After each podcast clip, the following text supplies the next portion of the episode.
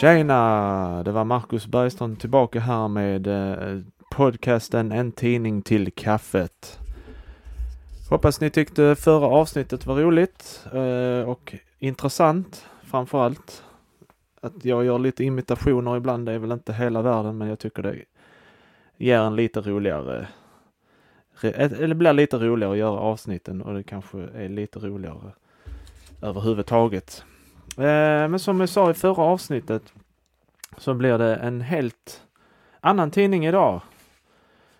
Det är en lite mer lokalare tidning. Det är Ystad Allehanda från 1904. Från onsdagen den 29 juni, mitt i det vi idag kallar industrisemestern. Det var nog inte så mycket industrisemester då. Eh, för det är otroligt, får jag säga. Det är, det, hela denna Ystad Allehanda är fyra sidor lång. Den första sidan är i princip bara annonser om eh, kulörta skodon, prima ångkål, nötkål. De beräknas lossa i Öresund omkring 20 till 28 juni. Glas och porslin, bokbinderi, cyklar, slipstenar, aktion, aktion och så och så vidare. Eh, och i mitten då så är det två sidor och det är de som jag kommer läsa ifrån för att eh, ja, det finns inte så mycket mer att läsa om och det, jag kan bara säga det är helt otroligt hur mycket information som får plats på två sidor. Eh, ja, nu är det bara att hugga i för att det finns så mycket att eh, läsa upp här så jag vet inte om jag kommer hinna färdigt överhuvudtaget hinna färdigt beror på hur långt avsnittet ska vara, men jag tänker att det ska inte vara mycket längre än en timme i alla fall. Så vi kör igång. Vi börjar med eh, en nationell fest, heter artikeln. En nationell fest hölls i Fränninge i lantbruk, lantbrukare Anders Nilssons vackra skog midsommarafton. Festen började vid sjutiden och inleddes med avsjungandet av salmen 124, vers 1. Därefter hälsade kyrkoherde herr T.H. Boström de ganska talrikt församlade uppgående till över tusen personer av alla åldrar. Han erinrade dem om att det var första gången fest av detta slag hölls på denna plats och att den kunde bli till både nytta och nöje. Efter hälsningstalet sjöng Boströmska, Boströmska sångkvartetten. En paus på några minuter vidtog nu och efter denna höll kyrkoherde Boström ett präktigt föredrag om uppfostran. I slutet av detta yttrande talaren, yttrade talaren Må hela naturen med dess möda och id, dess lek och smek, dess fågelkvitter och klagoskri, dess vintersol och vårsus, dag efter dag påminna oss om naturens råd. Glöm aldrig att naturens röst är Guds röst. Efter föredraget sjöngus flera vackra sånger under ledning av studeranden Karl Boström, vilka alla mottogs med väldiga applåder. Därefter följde diskussion om orsakerna till emigrationen och dess botemedel. Till ordföranden valdes enhälligt kyrkoherde Boström. Frågan inleddes sakrikt av seminarieelev Hallberg från Bollerup. Han påpekade bland andra orsaker folklynnet, hur vikingalivet från Hedenhös låg i blodet. Därför ville folket ut på äventyr.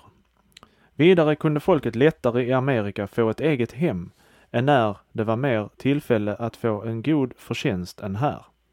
Så bidrog också den långa värnplikten till att ynglingarna emigrerade även som landets lagar.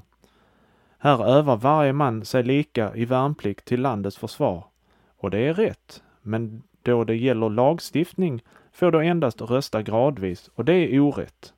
Botemedlen ansågs vara åstadkommandet av egna hem, förbättrandet av landets lagar, upplysning om svårigheter en emigrant får utstå i främlingslandet innan han fått lära språk med mera samt bildandet av ungdomsföreningar och framhållandet av det goda som vårt land äger i personlig frihet och andra goda inrättningar. Därpå hade flera talare ordet såsom snickare N Asklund, folkskolelärare A Onsdorf, kyrkoherde Boström, lantbrukare Jöns Jakobsson.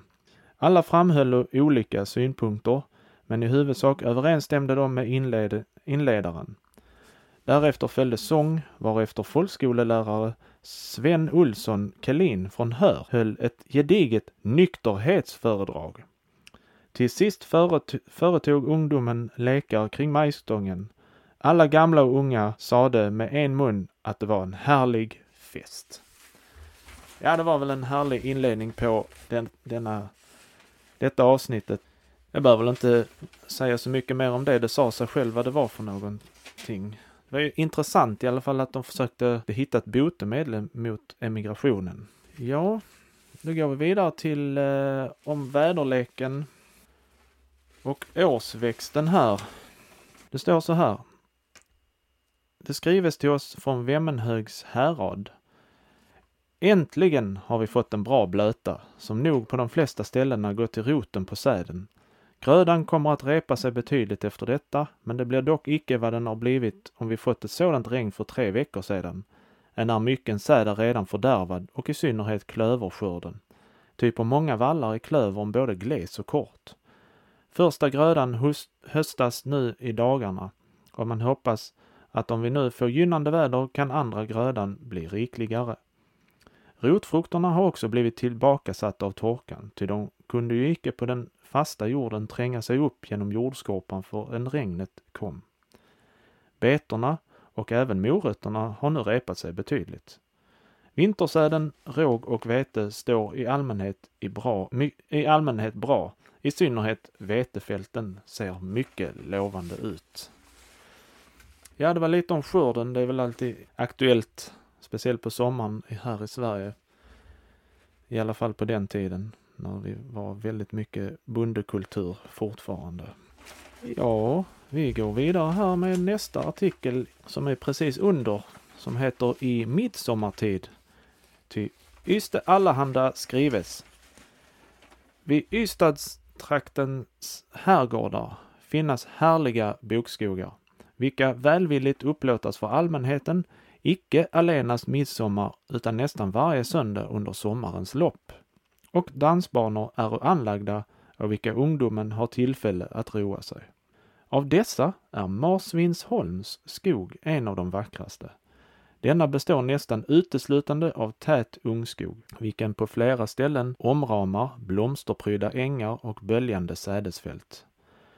De genom skogarna ledande vägarna och stigarna utgöra de allra skönaste lövvalv under vilka en promenad en härlig sommardag är oförgätlig.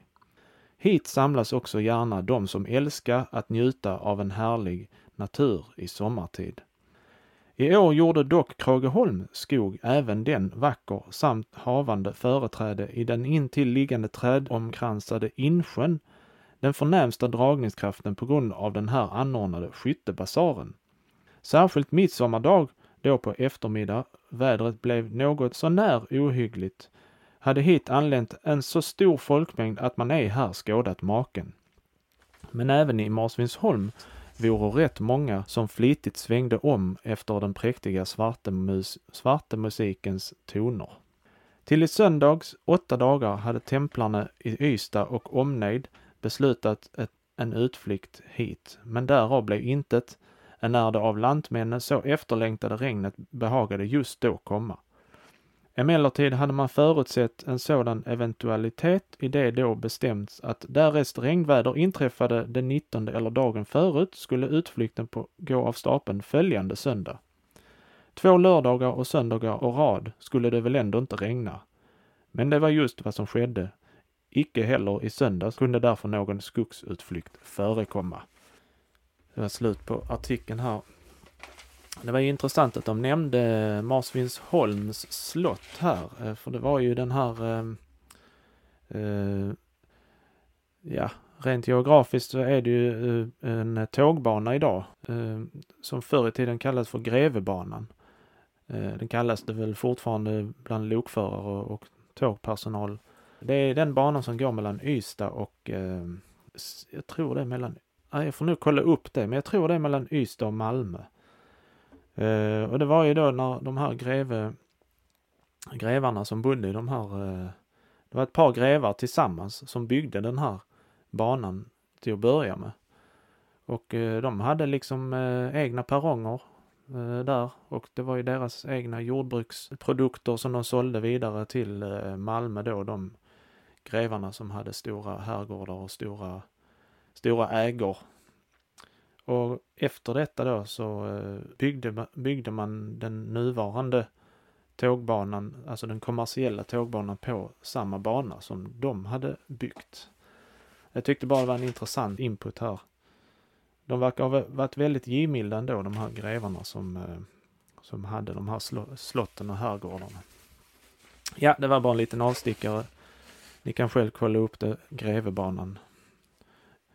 Eh, då går vi vidare här. Då tar vi, eh, det handlar, det handlar om eh, rapphönsen och slottermaskinerna. Detta är någonting man aldrig tänker på.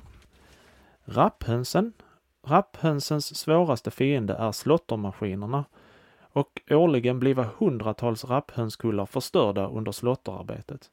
Rapphönsen räddar med förkärlek sina bon i klöverfälten och vid tiden för slotterns påbörjande ligger hönan och ruvar äggen och också är ungarnas nyutkläckta och i vilket fall som helst blir kullarna ofta tillspillogivna. Även om slottermaskinen går över boet utan att skada äggen så går dock icke rapphönan dit sedan hon blivit oroad. Många försök har gjorts att intaga och låta höns lägga, lägga ut rapphönsägg som funnits under pågående slotter, men det har visat sig vara nästan omöjligt att få ungarna att bliva vid liv då de är ytterst ömtåliga. Ja, det är som sagt inget man tänker på när man eh, köper, står där vid havrehyllan i eh, affären och ska ta köpa havregryn. Det är ju faktiskt djur som bor i de här åkrarna. Så vi får hoppas att de hittade ett sätt att, att vi, får, alltså att vi fick behålla vår eh, kära rapphöna. Ja, vad ska vi ta nu då? Vi ska gå vidare med eh, en liten eh, sorglig, eh, sorglig del i, i tidningen här. Det handlar mycket om mord och död kan man säga. Eh, vi börjar med första artikeln här. Det heter, står helt enkelt självmord. Eh, vi börjar här. Självmord begicks i söndags eftermiddag av fru Möller, Gröna Lund, eh, Löberöd, troligen under ett anfall av sinnesförvirring, medan hon under senare tiden varit något grubblande och besynnerlig till humöret. I söndags hade hon i ett obevakat ögonblick smugit sig upp på vinden där hon tog sig av daga genom hängning, skriver CSK. Uh, och sen vidare här, midsommaraftonen berövade sig 33-årige ryktaren Johan Gott, Gottfrid Johansson och prästgården i Harplinge livet genom att hänga sig i stallet. Han hade dagen före sin död klagat att fåren, fåren är sty, så stygga så de kan ta död på en. Slut på artikeln. Vidare här är det ännu en artikel som heter Det blev döden. Murerihantlangare Bernhard Andersson, vilken som först omtalas i måndags under arbete å ett bygge i Malmö, skadades av en nedrasande mur, avled på eftermiddagen och sjukhuset. Han var blott 23 år gammal. Och vidare här i tidningen Det övriga Sverige så finns en artikel som heter Drunknan, Drunknade. En byggmästare, Johan Olsson i Stockholm, drunknade i lördags eftermiddag under segling i Tenösundet vid Stockholm. Fyra andra personer som vore i hans sällskap räddades.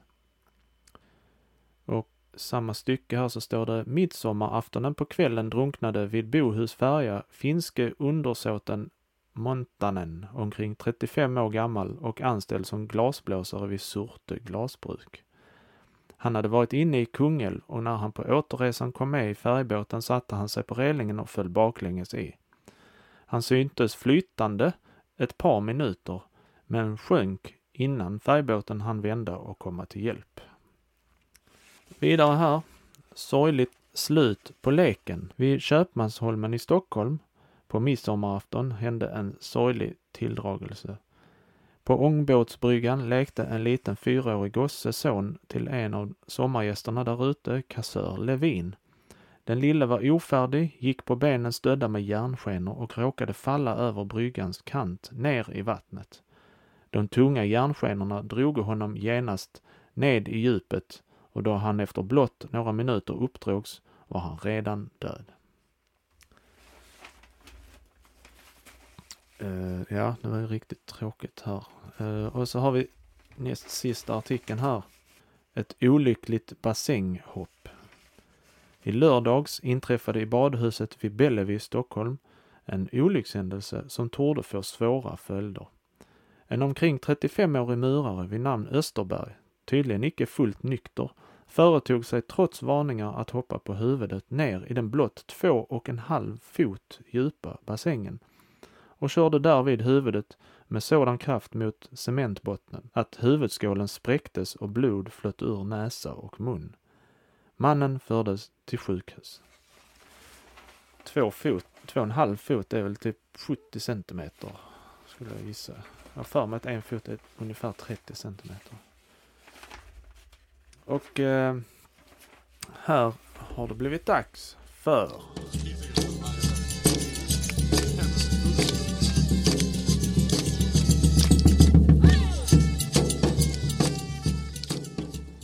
Ja, man blir lite danssugen där. Det har blivit dags för veckans Viking.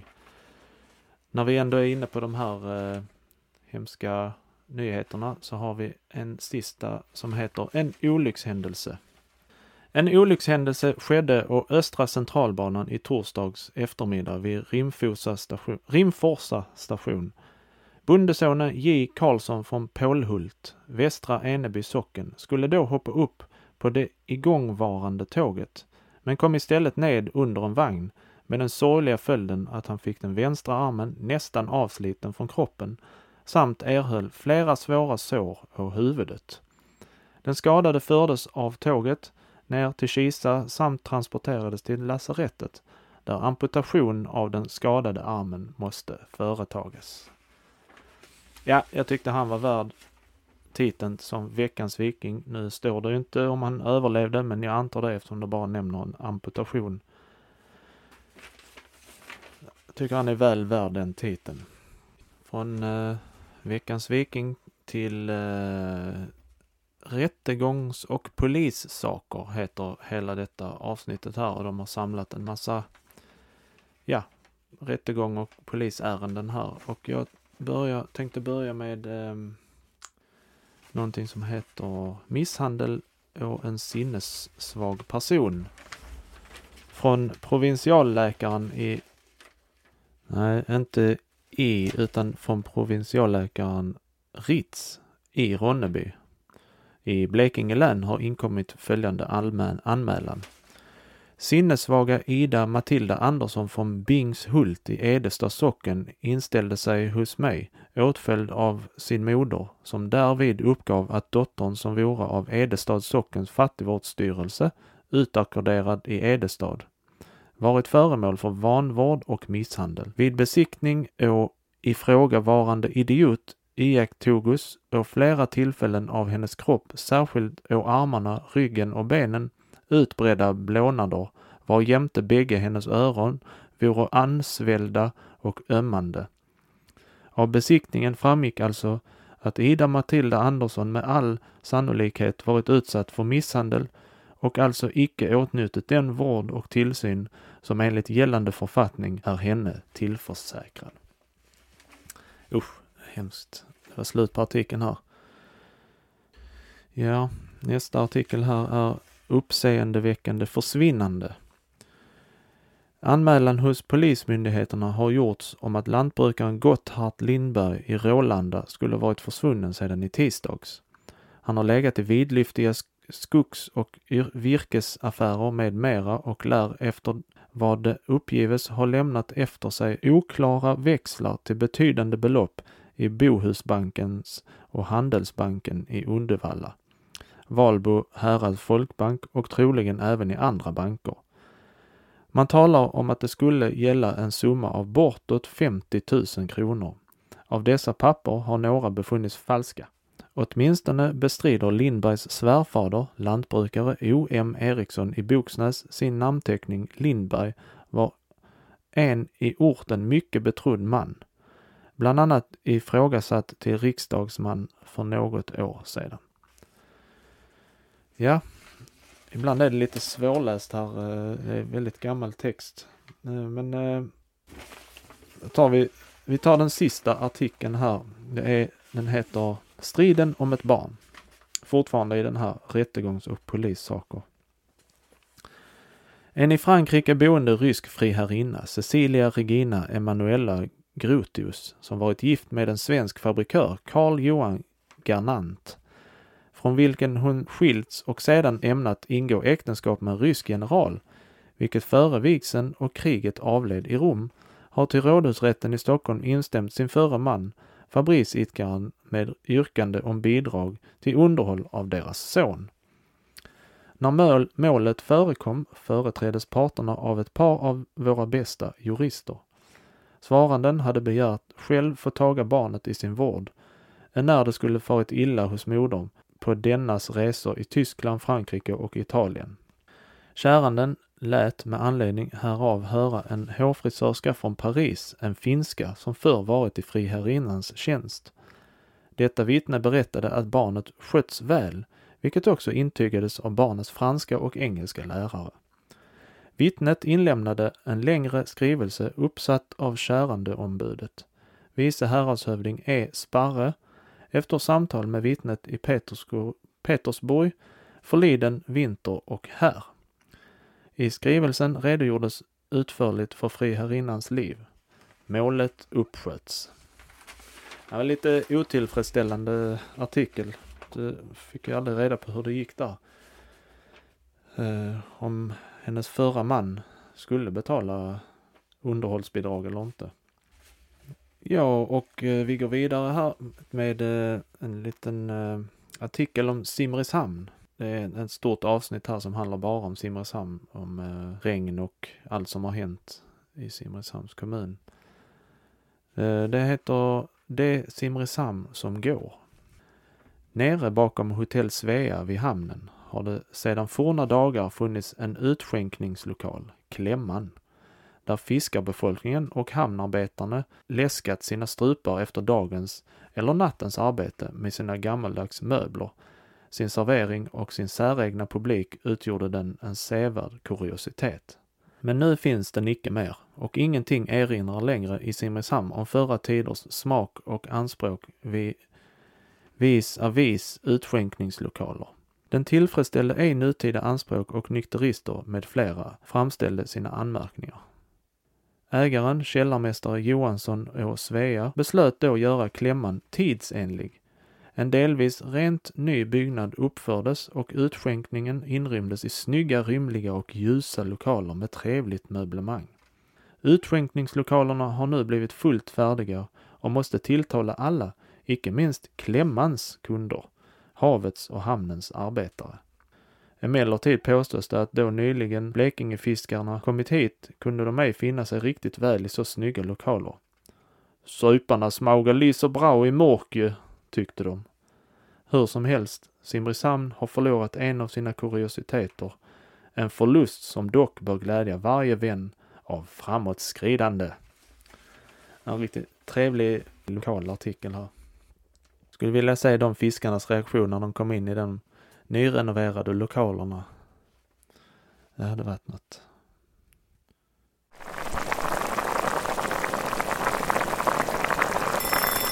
Ja, då kör vi igång med dagens dåtida recept. Där jag läser ur Hemmets kokbok. Från eh, väldigt länge sedan. Jag tror den är från, eh, jag ska läsa här när den är från. 1937. Var är den ifrån? Ja, dagens dåtida recept det är eh, nummer 144. Det är en späckad oxhare. Och det fick jag faktiskt läsa mig till vad det var för någonting.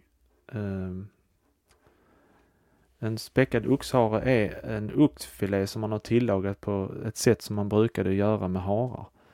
Det fanns tydligen ett speciellt sätt att göra det. Eh, så det är liksom en oxe, men den kallas för oxhare. Och då behöver man, för sex personer behöver man 1 kilo oxhare, 100 gram späck, en 1 till 2 matskedar smör, sås, 3 matskedar fett av köttskinn, mjöl, salt, buljong eller vatten och till köttsky behöver man 2 teskedar mat på tomatpuré. Beredningen är köttet som bör vara väl hängt, tvättas och späckas i täta rader med finskurna späckstrimlor. Smöret upphettas i en stekgryta och här i brynes köttet, saltas och spädes med hälften av den kokande buljongen. Haren får därefter sakta steka med tätt slutande lock två timmar, varunder den då och då spädes och överöses med buljongen. Den skäres i tunna skivor, hoplägges åter och lägges upp på serveringsfatet samt garneras med grönsaker. Köttskinn silas och skummas och såsen bereds enligt allmänna regler för såser. Sidan 291. Det var det. Det lät väl mumsigt.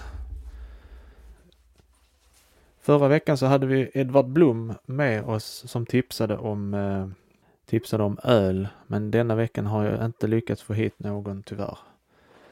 Vi får ta det en annan gång. Det finns nämligen så mycket att läsa idag eh, faktiskt. På, även fast det bara är två sidor jag läser ifrån här. Två väldigt stora sidor. Eh, vi går vidare med eh, När svenskarna roar sig. Från Köpenhamn skrives en ångare med svenska lustfarare la i fredags till vid Klampenborgs skeppsbro. De skulle roa sig på danska sidan och deras midsommarglädje var av det bullersammaste slag. Alla männen voro försedda med sin liter då de gjorde sin entré på Dyrehavsbackene och då de gingo ombord på ångaren såg man pojkar på 12 och 14 år så illa fulla att de nästan måste bäras ombord. Ute i skogen bakom backen utkämpade ett par av lustfararna en kamp mot kniven och en stor olycka skulle säkert ha inträffat om icke några handfasta karar övermannat de blodtörstiga svenskarna. Att de många svenskar som kommit till Köpenhamn på midsommardagen icke sparade på safterna torde ej behöva sägas. Några av dem fingo en sorglig erinran om hur äventyrligt det är att göra sig redlös då man är ute på resor. En av dem anmälde i polisen en stöld på 250 kronor som en mycket pendeme hade rövat från honom. En annan hade mistat 400 kronor. En tredje råkade ut för en bondfångare som gjorde honom alldeles ren, men den sist nämnde hade tur, ty en rask detektiv skaffade honom plånboken tillbaka med innehållet nästan ograverat. Slut på artikeln. Ja, nu var det i och för sig midsommarafton detta, men det är ju en klassiker det här för oss som bor i Skåne, speciellt Malmö. När jag var liten eh, så var fanns det ju båtar över till Köpenhamn. Nu för tiden är det ju Öresundsbron. Och eh, jag tror alla jag nå någonsin har pratat med har haft, eh, har, har varit i Köpenhamn. Och nästan alla har varit i Köpenhamn i onyktert tillstånd. Någon gång i alla fall. Det är ju inte så, så ofta man åker över till Köpenhamn med den inställningen att man ska festa loss så man blir medvetslös. Men det är många som har gjort det i alla fall. Även många utanför Skåne kan jag tänka mig. Ja, vi går vidare med följande hemska tilldragelse, lyder det. Följande hemska tilldragelse föreföll i lördags på Hanserplats i Köpenhamn. I en våning bor en kusk, Simonsen, med sin hustru och det äkta paret synes ej leva i bästa förstånd. Då mannen i lördags kom, kom hem blev makarna oense och ovänskapen urartade till det vildaste gräl, så att grannarna kom till fönsterna för att höra efter vad som var på färde. Till sin fasa säger de hustrun klättra upp i fönsterkarmen där hon ett ögonblick stod och fläktade med armarna och utstötte hysteriska skri. Så kastade hon sig handlöst ut i rymden och störtade mot stenläggningen. Från alla trappuppgångar kommer människor rusande ut och även mannen kom tumlande ut för trapporna. De lyfte, lyftade upp hustrun. Hon var ej död och utstötte hjärtskärande jämmerrop. Blodet forsade ur mun och näsa och ett ben var brutet samt huvudet mycket illa skadat. I en fart rekvirerades ambulansvagn och den olyckliga fördes till kommunhospitalet. Vid undersökningen konstaterades svåra brott å lemmarna och svåra skador i huvudet. Man vet ännu icke om hon kan räddas. Ja, det var ju lite sorgligt där också. Det var ännu en tragisk historia från Danmark. Ja, vi går vidare här med eh, lite utrikes. Det står även lite om eh, kriget mellan Japan och Ryssland här vid eh, sjöstriden vid Port Arthur.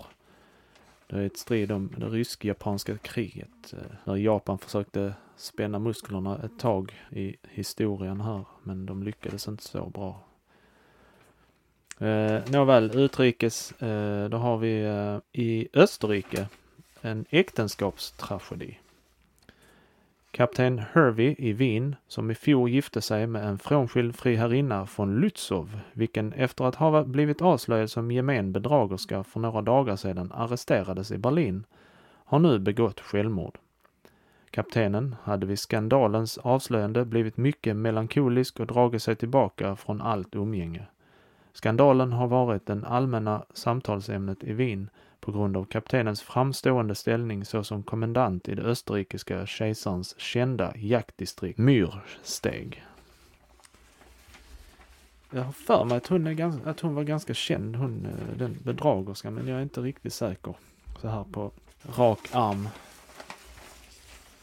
Eh, vidare här läser vi i Belgien, ett dyrt skott heter det. Fru, fru, fru eh, Jean Merci, som lever skild från sin man, for en afton hem från Théâtre de la Monale i Bryssel, på vilken hon har anställning. Hennes förre make, herr Ledoct, som såg när hon steg upp i vagnen, sköt i raseri efter sin förra maka och sårade henne i fingret.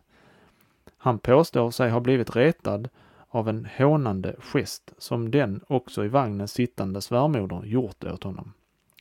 Skottet i och för sig dömdes såsom krim passionell, milt och kostade ett år och hundra francs. Men läkarna konstaterade att Marais finger skulle förbli styvt så att hon icke mer kunde ackompanjera på piano. Därför begärde hennes advokat en skadeersättning av 100 000 francs.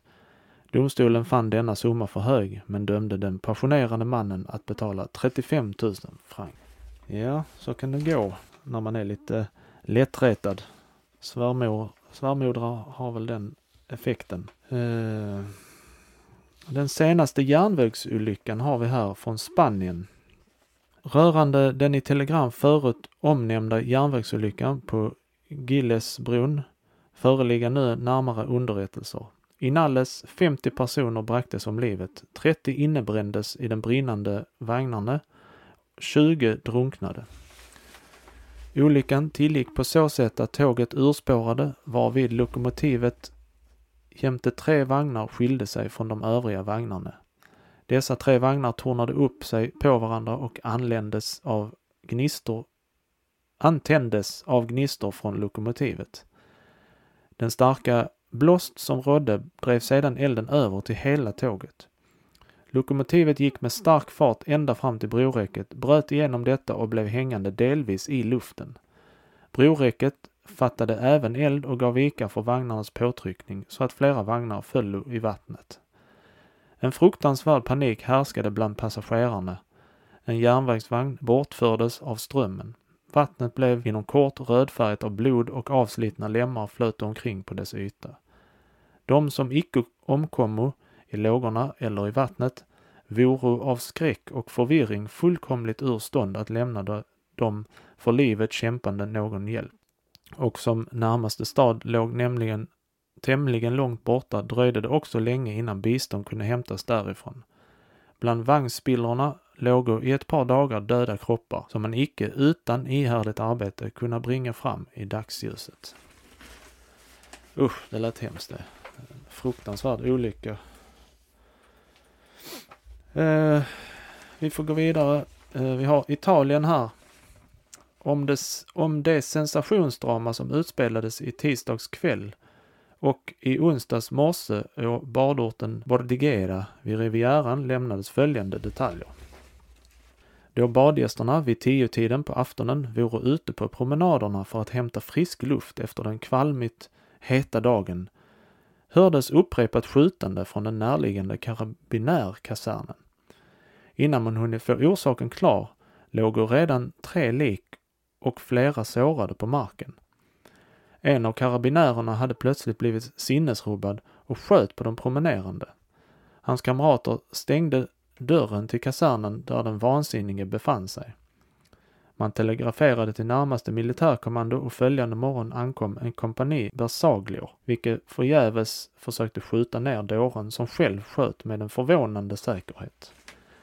Tre av de angripande soldaterna sårades svårt. Till sist, då det gällde att till vad pris som helst göra galningen oskadlig, klättrade regementets överste samt en sergeant upp på kaserntaket, hällde fotogen över detsamma och stucko huset i brand. Genom den av branden åstadkomna öppningen lyckades, den slutligen, lyckades det slutligen att skjuta mannen till döds innan han hunnit rikta mordvapnet uppåt. Den vansinnige var en sicilianare vid namn Maida. En 25-årig tysk baron, Edmund Lavaldan, en ung dam från Bologna och en karabinär från Pisa dödades av hans kulor. En farmaceut ligger för döden. Förutom dessa är åtta personer allvarsamt sårade. Slut på artikeln där. Ja, det var inte så mycket mer att säga om det förutom att det var lite märkligt att de hällde fotogen istället för att bara hoppa ner och försöka övermanna honom. Men det, de vågar väl inte det antagligen. Och vidare här, i, också i Italien, då är det ett klosterdrama. Från eh, Palermo berättas Häromdagen infunne sig tvenne munkar från augustinerklostret i San Vito hos kvarterets poliskommissarie och meddelade honom att en av klosternoviserna låg döende i kapellet efter att ha stuckit en dolk i hjärtat på sig. Kommissarien begav sig genast dit. I kapellet låg en blek man, klädd i munkdräkt, munkdräkt, utsträckt på golvet vid foten av ett stort kors och omkring honom knäböjda alla klostrets munkar försänkta i bön. Ur den döendes bröst sipprade en tunn blodstråle fram. På kommissariens fråga meddelade prion följande dramatiska skildring av förloppet. I december 1903 anlände till klostret en 26-årig ung man från Spazzaferno, Arcangelo Juns, vilken tillkännagav sin avsikt att inträda i Augustinerorden. Man lät honom genast stanna som novis och under den första tiden lade han i dagen en verkligt exemplarisk trosiver. Men efterhand började novisens uppträdande undergå en förändring. Han blev häftig och nervös samt tog sig före ting som verkade sårande på munkarna. Prion påträffade i hans cell böcker som vore allt annat än uppbyggliga. De uppbrändes högtidligt och Arcangelo blev strängt bestraffad. Detta straff bar emellertid ingen önskad frukt och så småningom blev novisens tilltag verkligt skandalösa.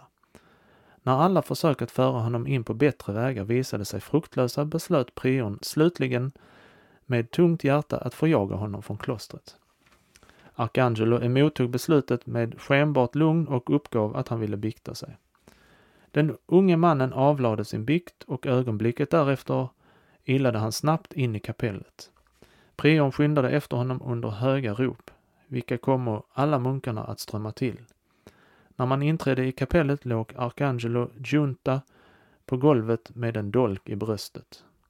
De enda ord han yttrade innan han förlorade medvetandet vore ”Jag har hämnats”. Arcangelo fördes till ett sjukhus där han avled. Ja, där kan man säga vad som händer om man stänger in sig på ett kloster. Vad ska vi ta mer här? Vi har en rolig, eh, väldigt mycket mord och sånt idag, men det, ja, det är väl bara så ibland. Det kanske är väl det, också det som är lite intressant att läsa. Uh, vi har här i Nordamerika uh, står det att ett expresståg är plundrat av rövare. I närheten av Bearmouth i staten Montana blev enligt telegram från New York i söndags ett expresståg på Northern Pacific-järnvägen av maskerade rövare som insmugit sig genom passagerare tvingats att stanna. Rövarna nöjde sig med 65 000 dollars som de tog från bagagevagnen sedan de sprängt det där befintliga kassaskåpet med dynamit. Polistrupper förfölja rövarna. Slut på artikeln. Ja, det kan man inte tro att det var. Att det var inte så länge sedan det var rövare och cowboys i USA. Men det var det ju äh, faktiskt. Vi har den näst sista artikeln här, eller den sista artikeln blir det. Eh, det är lite blandat och eh, det står så här. En bisvärm i skägget. Häromdagen observerades en bisvärm i en skorsten på ett hus vid Landskede brunn. Men då en gumma i huset tände eld i spisen funno bien för gott att flytta. De slog läger på ett uthustak där en äldre man försökte att i bikupa infånga dem. Men nu bar det sig ej bättre än att visen slog läger i gubbens skägg och efter honom hela bisvärmen. För bivännen var icke annat att göra än att hålla sig lugn där han stod på en stege och sedan hela bisvärmen tagit plats i skägget begav han sig sakta ner av stegen och stack in huvudet i en bikupa så fort som möjligt varefter han gjorde sig av med de besvärliga gästerna. Anmärkas bör att gubben icke erhöll ett enda stygn utan undslapp oskadad och billigt nog fick sig en ny bisvärm. Ja, det var det. Slut på artikeln där. Undrar varför de valde hans skägg, men det var ju en smart gubbe som höll sig lugn. Det allra sista jag tänkte läsa här, det är faktiskt eh, eh, någonting som Ystad Allehanda själva har skrivit, antar jag. Eh, den, det står så här, det är på sista sidan här, eh, bland alla annonser och ja, beskattning och de som har de högst beskattade och så vidare. Så står det varför kunna icke de stora tidningarna ersätta ortstidningen? och så förklarar de att därför att i ortstidningen förekommer alla kungörelser om stämmor, sammanträden, aktioner med mera som just röra orten. Därför är det nödvändigt för alla, såväl affärsmän som lantbrukare eller yrkesidkare, de stora städernas tidningar kunna omöjligt sysselsätta sig med förhållanden och alla orter inom deras vidsträckta abonnentområde. Därför är det ortstidningens uppgift att lämna referat över kommunal och kyrkstämmor, föreningssammanträden med mera inom de församlingar där den är spridd samt i övriga alla upplysningar, vilka för ortens befolkning kunna vara av nytta. En ortstidning är sålunda nödvändig för var och en i orten boende. Ja, det var väl eh, en trevlig avslutning här. De förklarade varför de ska finnas till. Ystad Allehanda och jag kan väl ändå tro att Smålandsbygdens Tidning är en av dem. Eh, ja, som sagt det sista som står i tidningen här det är ju lite annonser och en av dem står, här står faktiskt eh, att Ystad Allehanda kan sändas på beställning till Amerika och andra delar av världen under korsband en gång i veckan mot ett pris av kronor 1,50 per månad eller 18 kronor för ett helt år. Det tycker jag låter prisvärt. Nåväl och allt emedan som Hasse Alfredsson brukade säga under sina sketcher. Då får jag tacka så mycket för detta avsnittet. Det var det femte avsnittet av En tidning till kaffet. Och jag hoppas att ni vill fortsätta lyssna på detta. Eh, mina avsnitt finns på de flesta plattformarna nu det kommer att bli lite mer komik i framtiden. Det är bara att jag försöker eh, balansera lite mellan eh, nyheter och eh, komik. Så ja, nåväl. Kontakta mig om ni vill och skriv gärna någonting vad ni tycker om avsnittet så hade jag blivit jätteglad. Tack så mycket och till nästa gång. Ha det gott! Hej då!